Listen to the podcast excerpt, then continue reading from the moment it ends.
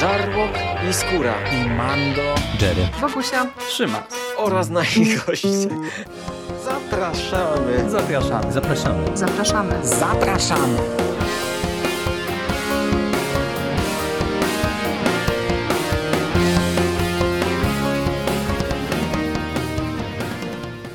Witamy Was w konglomeracie podcastowym e, w kolejnym komiksowym odcinku. Z tej strony Michał Rakowicz, czyli Jerry. Jest ze mną e, Michał Ochnik, Misty Pop. Cześć Michale. Cześć, cześć Jerry. W tym zacnym gronie spotykamy się ponownie, aby porozmawiać o e, Konanie. Wracamy bowiem z drugim tomem Życia i Śmierci Konana ze scenariuszem Jasona Arona i rysunkami głównie Mahmuda Asrara. Ci panowie odpowiadali także za tom pierwszy. No i w tej chwili Egmont zaserwował nam w listopadzie e, drugą odsłonę, która kończy ten e, ran zamknięty Arona, ograniczający się do 12 zeszytów. Mm, e, więc tak, na wstępie odsyłamy Was do naszego pierwszego odcinka, jeżeli go nie słuchaliście, bo tam rozmawiamy trochę o postaci Konana, o naszym podejściu do Konana Michał trochę naświetla historię franczyzy też w kontekście właśnie funkcjonowania Konana jako postaci w komiksach, e, także warto posłuchać, e, a my skupimy się na drugim tomie. E, tom pierwszy, jeżeli czytaliście go albo słuchaliście naszej audycji, kończył się no, dosyć potężnym cliffhangerem, dlatego że było jasno powiedziane, że król Conan e, został w końcu pojmany przez e, dzieci e, szkarłatnej wiedźmy i zginął. W tym tomie no, mieliśmy się dowiedzieć, jeżeli uda mu się jakoś z tego wszystkiego wywinąć, to jak. Ale zanim do tego Aaron e, przeszedł, e, no, dostajemy inną opowieść, bo ten komiks jest w swojej strukturze identycznie poprowadzony jak tom pierwszy. Czyli tak naprawdę dostajemy sześć zeszytów, które e, pomimo tego, że w wielu przypadkach gdzieś tam się odnoszą do tego głównego wątku, a już końcówka no to jest po prostu rozwiązanie całej tej historii związanej ze szkarłatną wiedźmą, no to jednak Aaron korzysta z tej epizodycznej formuły tak dobrze znanej e, dla wszystkich fanów Konana. Mm, no i dostajemy właśnie kilka pomniejszych historii. Michale, e, wiem, że nie mogłeś się doczekać pochwalenia tego tytułu, e, no więc powiedz, co cię tak urzekło w tym drugim tomie i w całej tej historii, w całej tej opowieści Arona E, o Cymeryjczyku? E, no przede wszystkim to, że cały czas jest e, nieodmiennie wierny temu, jak powinno się opowiadać historię o Konanie. Widać, że naprawdę Aaron rozumie, ten, rozumie tę postać, rozumie te konwencje, wie, co się w niej zestarzało, wie, co identyfikuje te konwencje i wie, jak zrobić jak usunąć te elementy, które się najgorzej zestarzały, jednocześnie zachować jej ducha. I to jest fantastyczne, ponieważ i, i tu mam, mamy też y, wszystko to, za co lubimy Konana. Jest kreatywność, Y, jest ten taki klimat konaniczny z y, tymi wszystkimi, wiesz, demonami, y, nie demonami, z tymi wielkimi wojnami w tle gdzieś tam, ale tutaj Conan załatwia te swoje interesy na różne bardzo kreatywne sposoby. No generalnie jest wszystko, co powiedziałem o pierwszym tomie, stosuje się również do drugiego. No ja bym powiedział, że nawet trochę e, bardziej, bo e, mam wrażenie, że ten drugi tom mnie osobiście chyba nawet mocniej zaskoczył e, niż pierwszy, no bo chwaliliśmy tam wiele rozwiązań fabularnych i, i to, jak Aaron pisze Konana, ale wiesz, teoretycznie przy tym drugim tomie no można powiedzieć, że już wiedziałem czego się spodziewać, a w zasadzie od tej pierwszej historii ja w każdym zeszycie byłem czymś zaskakiwany. E, no bo nawet zaczynając od początku, mamy y, historię otwierającą e, z Konanem, e, który, no tak jak mówisz, załatwia swoje interesy gdzieś tam na boku. Zeszyt nazywa się Barbarzyńska Miłość, no i się zaczyna tak, że w zasadzie tacy E, fani Konana, którzy go kojarzą gdzieś tam bardziej, myślę, że z jakiegoś takiego wizerunku, e, no takiego już popkulturowego, no to mogliby mm, trochę zacząć przecierać oczy ze zdumienia, bo widzimy jak Konan e, wynajmuje pięć czy sześć kobiet do wynajęcia, prostytutek i w zasadzie no to początkowo to wiesz, to wygląda jak mokry sen takiego dwunastolatka czy trzynastolatka, który kojarzy gdzieś tam opowieści o Konanie. I właśnie to, co ty powiedziałeś odnośnie tego, że Aaron e, sięga po e, takie motywy z Konanem kojarzone, ale e, je przetwarza w taki często zaskakujący sposób, to już właśnie chociażby na przykładzie tego otwarcia widać, nie?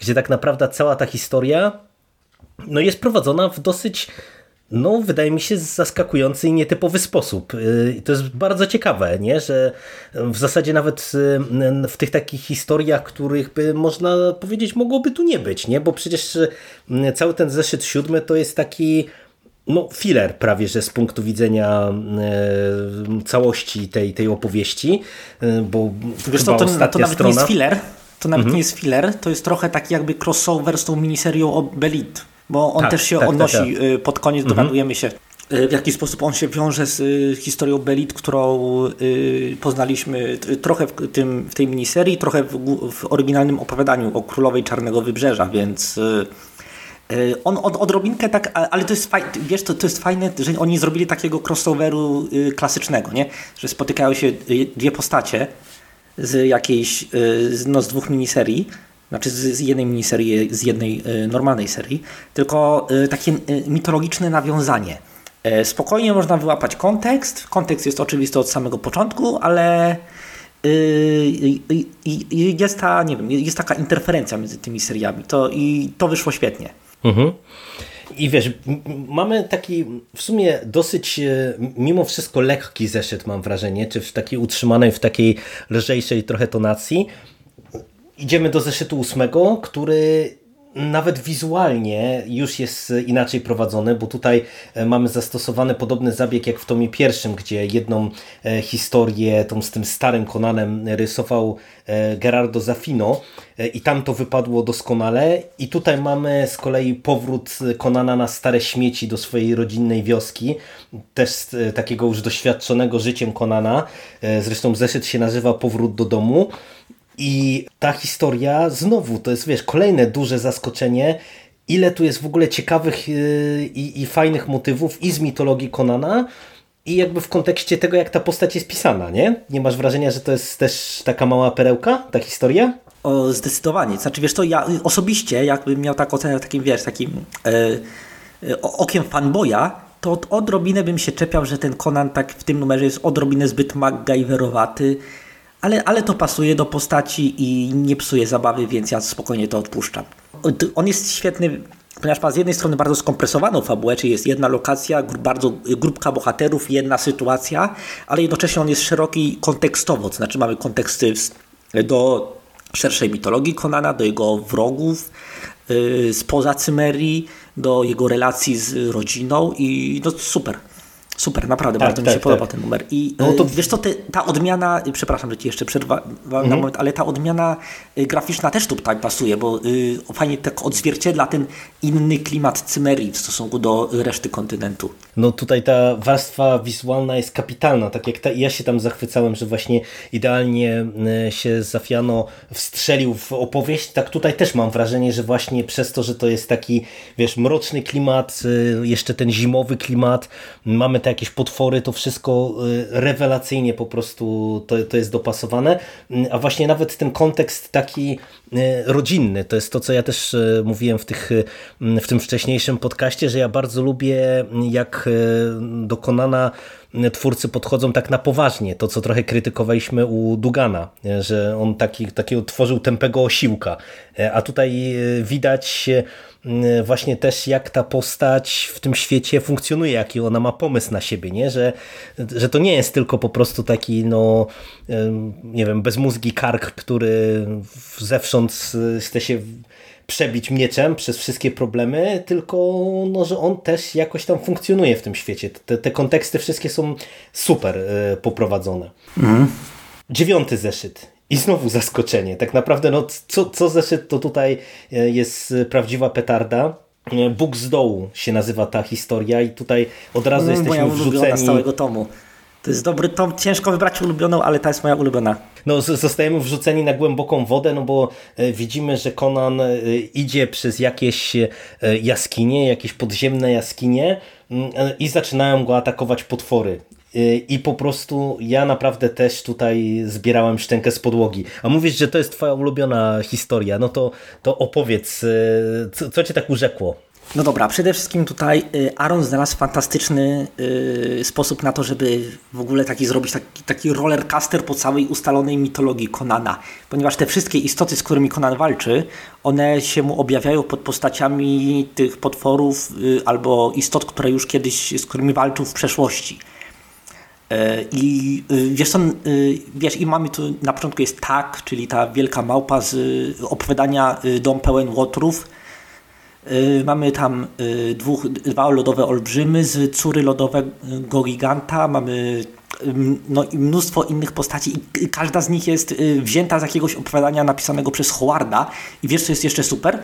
Super jest jeszcze to, że one, y, Howard pisał opowiadania niechronologicznie. Znaczy wiesz, najpierw pierwsze opowiadanie w ogóle było już jak Conan był królem, już był stary, a mhm. następne opowiadania były rozstrzelone po całej y, jego, wiesz, po, po całym jego życiu. Niektóre y, opowiadały o tym, jak był bardzo młody, niektóre o tym, jak już był w średnim wieku i one nie były pisane po kolei, ale tutaj te potwory ukazują mu się w tej kolejności chronologicznej. Znaczy od pierwszego, ten opowiadanie Łotrowie w domu było y, o najmłodszym Konanie. Y, I tak stopniowo, chronologicznie y, kolejne istoty z jego życia od najwcześniejszych lat do tego momentu, w którym dzieje się akcja tego zeszytu. I normalnie jak tylko ta, tak się ucieszyłem, znaczy to jest, wiesz, to jest taki, taka nerdowska radość w momencie, w którym widzisz, że twórca odrobił lekcję, i y, nie dość, że odrobił lekcję, to jeszcze kreatywnie to wykorzystuje, żeby taki, złożyć taki hołd materiałowi źródłowemu, który, y, na którym bazuje cała seria.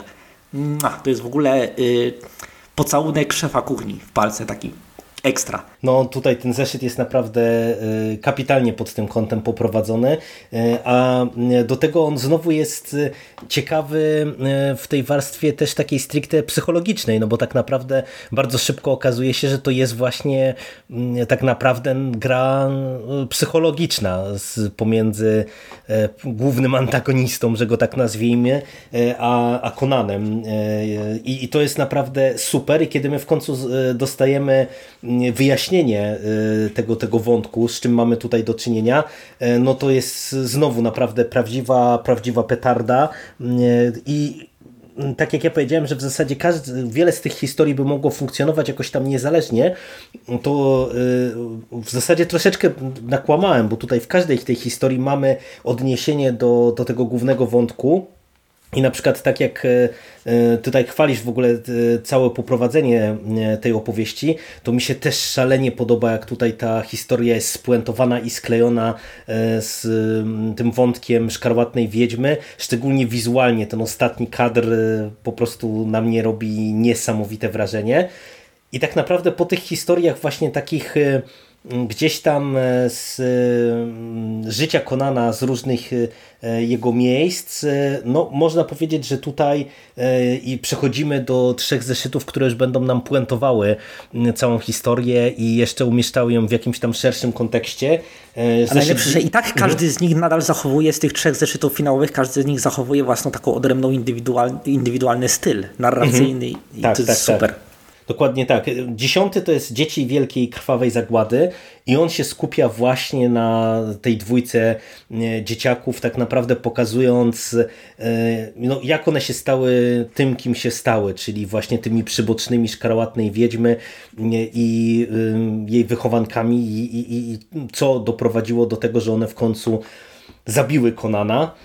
Ja bym powiedział, że to jest może najsłabszy zeszyt y, pod tym kątem, że no tego można się było trochę domyślić, ale mm, to jak on klei te wszystkie opowiadania, które dostajemy w całym tym ranie, to też y, zasługuje na pochwałę, bo widać jak dobrze Aaron sobie to poukładał pod kątem tych poszczególnych takich punktów zwrotnych całej tej opowieści, bo nie masz takiego wrażenia, że ten zeszyt to jest właśnie takie spoiwo, które gdzieś tam nam pokazuje i nawiązuje jeszcze do tych różnych opowieści, które wcześniej dostawaliśmy, nadając też e, dodatkową podbudowę, czy dając dodatkową podbudowę tym antagonistom młodym?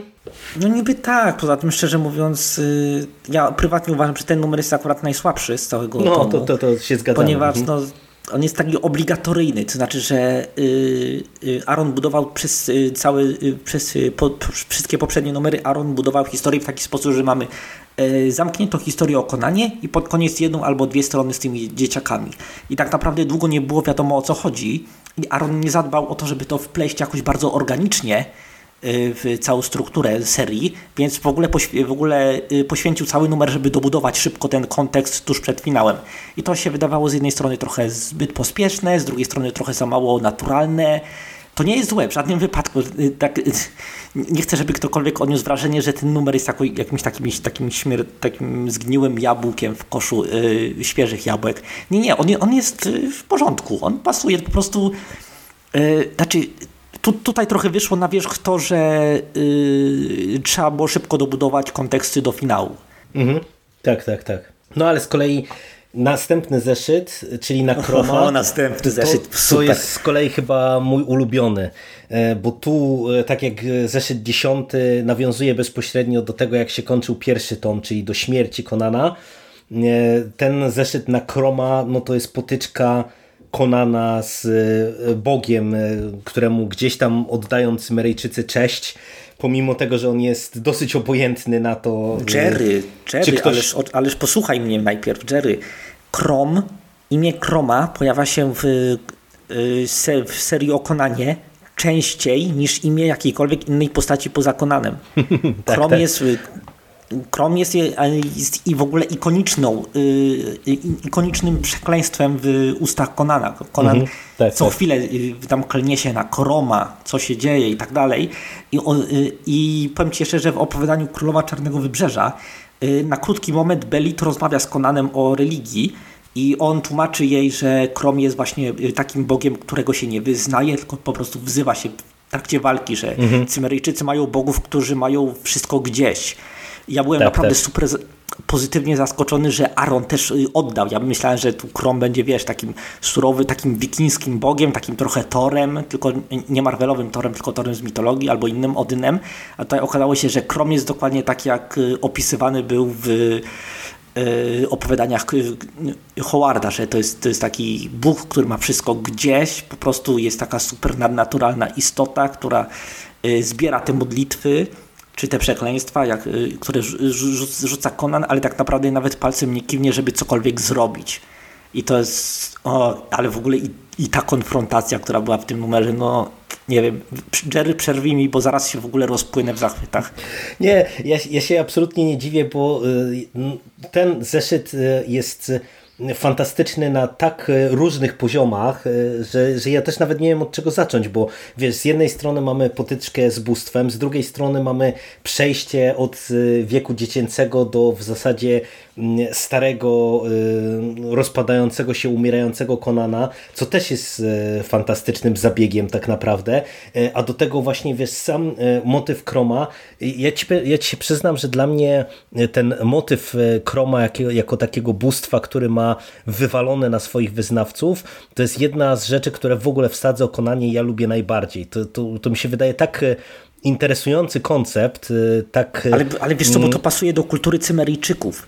Bo Cymeryjczycy, jak tak, mieszkają tam daleko na północy, oni nie mogą na nikogo liczyć, nie, nie, wiesz, i po prostu wiedzą, że jeśli jacyś bogowie istnieją, to ci bogowie raczej niespecjalnie ich obchodzi, co się dzieje tutaj na dole. I to, to właśnie to świetnie się klei ze wszystkim. To jest fantastycznie skonstruowana idea. Tak, ale do tego ona jest e, tak e, intelektualnie dla mnie interesująca, no bo wiesz, to jest, to jest coś takiego, nad czym tak naprawdę e, wyznawcy dowolnego Boga e, mogliby się przez chwilę zastanowić, nie? że ludzie ciążący e, ku jakiemuś tam bóstwu, nieważne czy chrześcijańskiemu, czy jakiemukolwiek innemu, zawsze tak wyznają, że te, ci ich bogowie są najlepsi też dlatego, że się nimi opiekują na przykład, nie? Czy, czy im pomagają, czy, czy zapewniają im dostatnie życie, po śmierci na przykład, czy cokolwiek takiego, nie? I tutaj te, ta idea Kroma jako właśnie takiego, wiesz, bóstwa zupełnie w kontrze do tego wszystkiego jest dla mnie czymś takim niesamowicie interesującym, a tutaj tak jak mówisz, nijak nie zostało to złagodzone przez Arona, tylko no to wszystko zostało no jeszcze podbite i, i, i fantastycznie naprawdę wykorzystane ale, ale, ale w w, ale w do finału. Mhm. W odniesieniu do tego, co mówisz, to jeśli ktoś na przykład twierdzi, że y, bo, y, znaczy jest taki y, topos w, w literaturze i w kulturze, że są nihiliści, tak, na przykład, którzy twierdzą, że jeśli, nawet jeśli Bóg istnieje, to ma wszystko gdzieś, ale, i, ale tacy ludzie zwykle są bierni. Nie? Dla, dla nich mhm. takie stanowisko jest poczuciem negatywnym, ne, takim tak, tak, tak, potwierdzeniem jasne. beznadziei na świecie. A, a widzisz, Conan wychodzi ponad to on y, przyjmuje fakt, że y, Bóg jest obojętny, przynajmniej jego Bóg jest obojętny, ale on mówi, no dobra, spoko, jesteś obojętny, walić to, ja sobie sam doskonale poradzę i on y, nie pozwala, żeby to mu, wiesz, żeby to przyniosło mu jakieś egzystencjalne katusze. On wychodzi ponad to i prowadzi swoje życie tak w bardzo indywidualistyczny sposób w oderwaniu od tego. A jednocześnie mhm. zobacz, on nie odrzuca tego Boga, on bierze sobie te tradycje, okej, okay, spoko, chrzanić to nie, y, y, nie y, wiem, że masz gdzieś, że tam wznoszę do ciebie modły czasami czy coś tam, ale spoko, ty sobie tam siedź, ja tu się wszystkim zajmę na dole. I to jest też, to jest też fascynujące na takim prostym, ale bardzo efektownym, efektywnym poziomie. Efektownym mhm. też. Ty, zwłaszcza w tym numerze efektownym. Tak, tak, tak, dokładnie. No, bo tutaj jeszcze o warstwie wizualnej to bym chciał na koniec y, trochę porozmawiać właśnie w kontekście tej efektowności. No i, mamy po tym fantastycznym zeszycie spuentowanie całej historii, y, która, y, które to jest takim już sprostowaniem no, można powiedzieć, którego można by się było spodziewać po tym poprzednim jedenastym zeszycie, czyli wielki, krwawy, epicki pojedynek e, na, na wielki finał tej historii. E, rzecz e, fajnie, dynamicznie rozpisana, no ale już jakby nie do końca zaskakująca, nie? No bo tutaj można powiedzieć, że, że już wiele rzeczy wcześniej widzieliśmy i tak nas Aaron przetyrał, że no to, to już było po prostu no taka bardziej właśnie standardowa jadka, chociaż jakby samo e, zakończenie e, i, i wiesz, pojawienie się jeszcze dodatkowych postaci, to było moim zdaniem coś fajnego, co nadało taki fajny rys całej tej opowieści i taką ciekawą też klamrę w kontekście tego wszystkiego, co e, Iaron nam zaserwował i co, co wiemy o Konanie, nie wiem, wpisując chociażby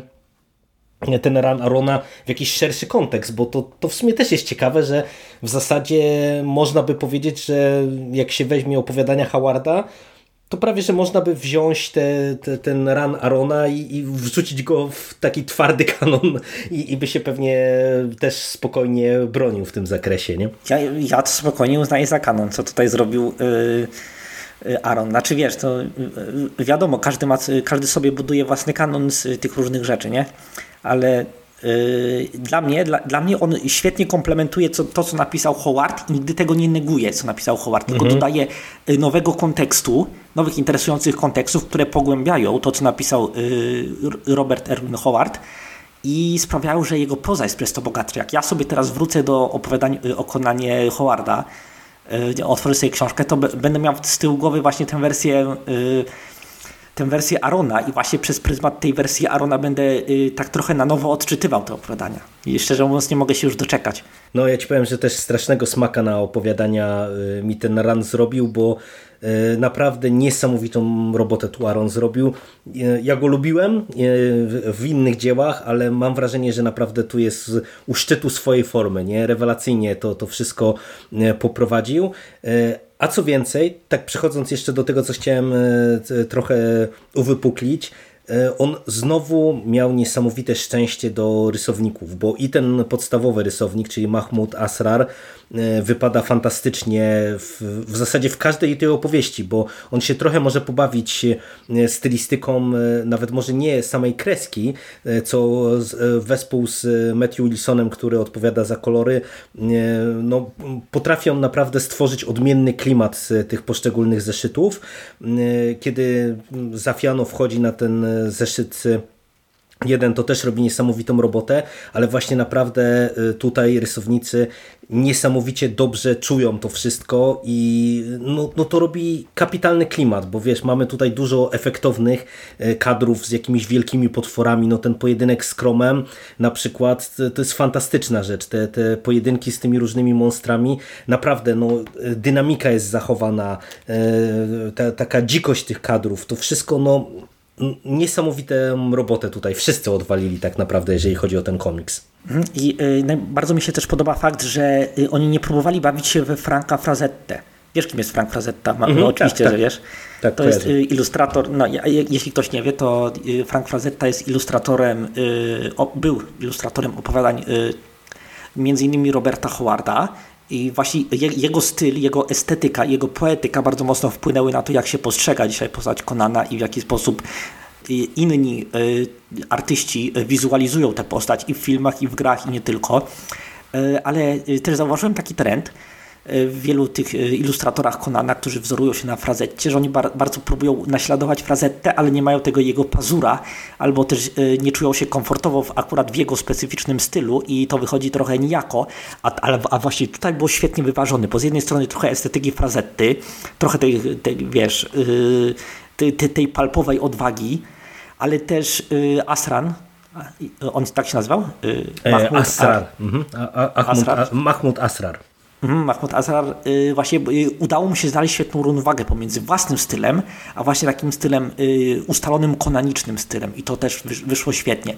I oczywiście musimy też wspomnieć o kolorystach, którzy, mm -hmm, bez tak, których tak. ten komiks wyglądałby znacznie gorzej. No to prawda, to prawda, tym bardziej, że tutaj te, ta kolorystyka ona naprawdę też robi robotę, bo tutaj mamy i różne krajobrazy i różne e, miejscówki, lokacje, ale mówię, nawet kolorystyka tych poszczególnych zeszytów e, no, podbudowuje klimat, nie? gdzie wykorzystane mamy kolory, no, co widać chociażby właśnie w tym zeszycie ilustrowanym przez Zafiano, gdzie wiesz, tam mamy wyraźnie ograniczoną paletę barw tak naprawdę, mhm.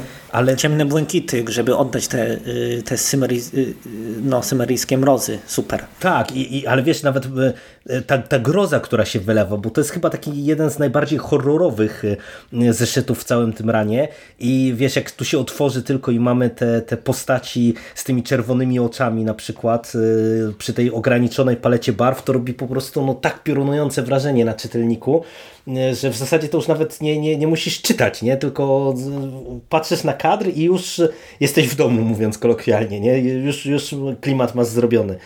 No, Aaron naprawdę y, strzelił znowu y, Maxa i tutaj bingo że tak dobrych rysowników, którzy tak y, świetnie wyczuli właśnie też tę estetykę dostał. Nie? No my to chwalimy mm, w tej naszej serii podcastów o Torze, gdzie tam też naprawdę rysownika trafił perfekcyjnie. No i tutaj ponownie, no, kapitalny komiks tak naprawdę, no kompletny można powiedzieć. I... Dokładnie. Wiesz, że ja, ja mam bardzo mieszany stosunek do Arona, ale tutaj nie powiem na niego ani jednego złego słowa.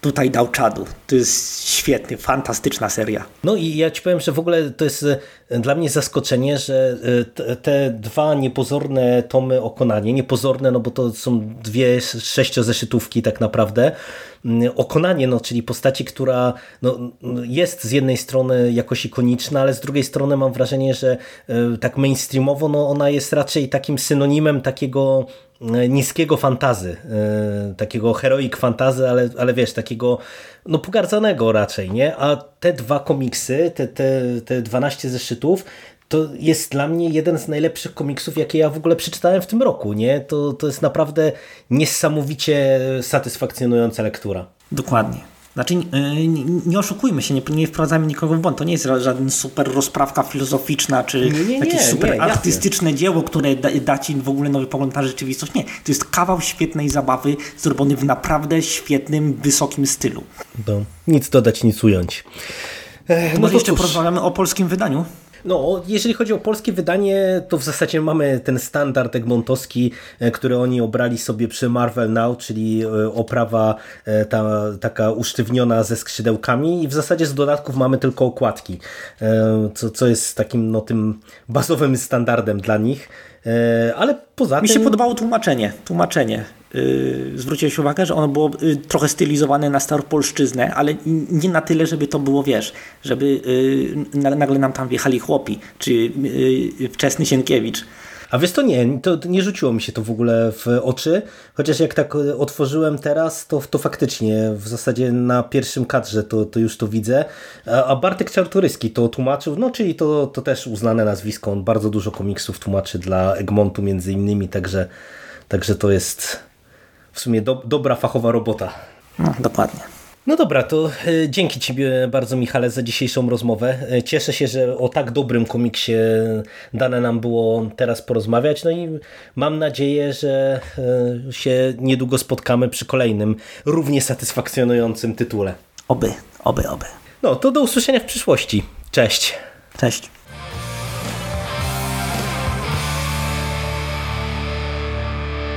You finished? We gonna do now? What are we gonna do? It's over. Nothing is over! Nothing! You just don't turn it off!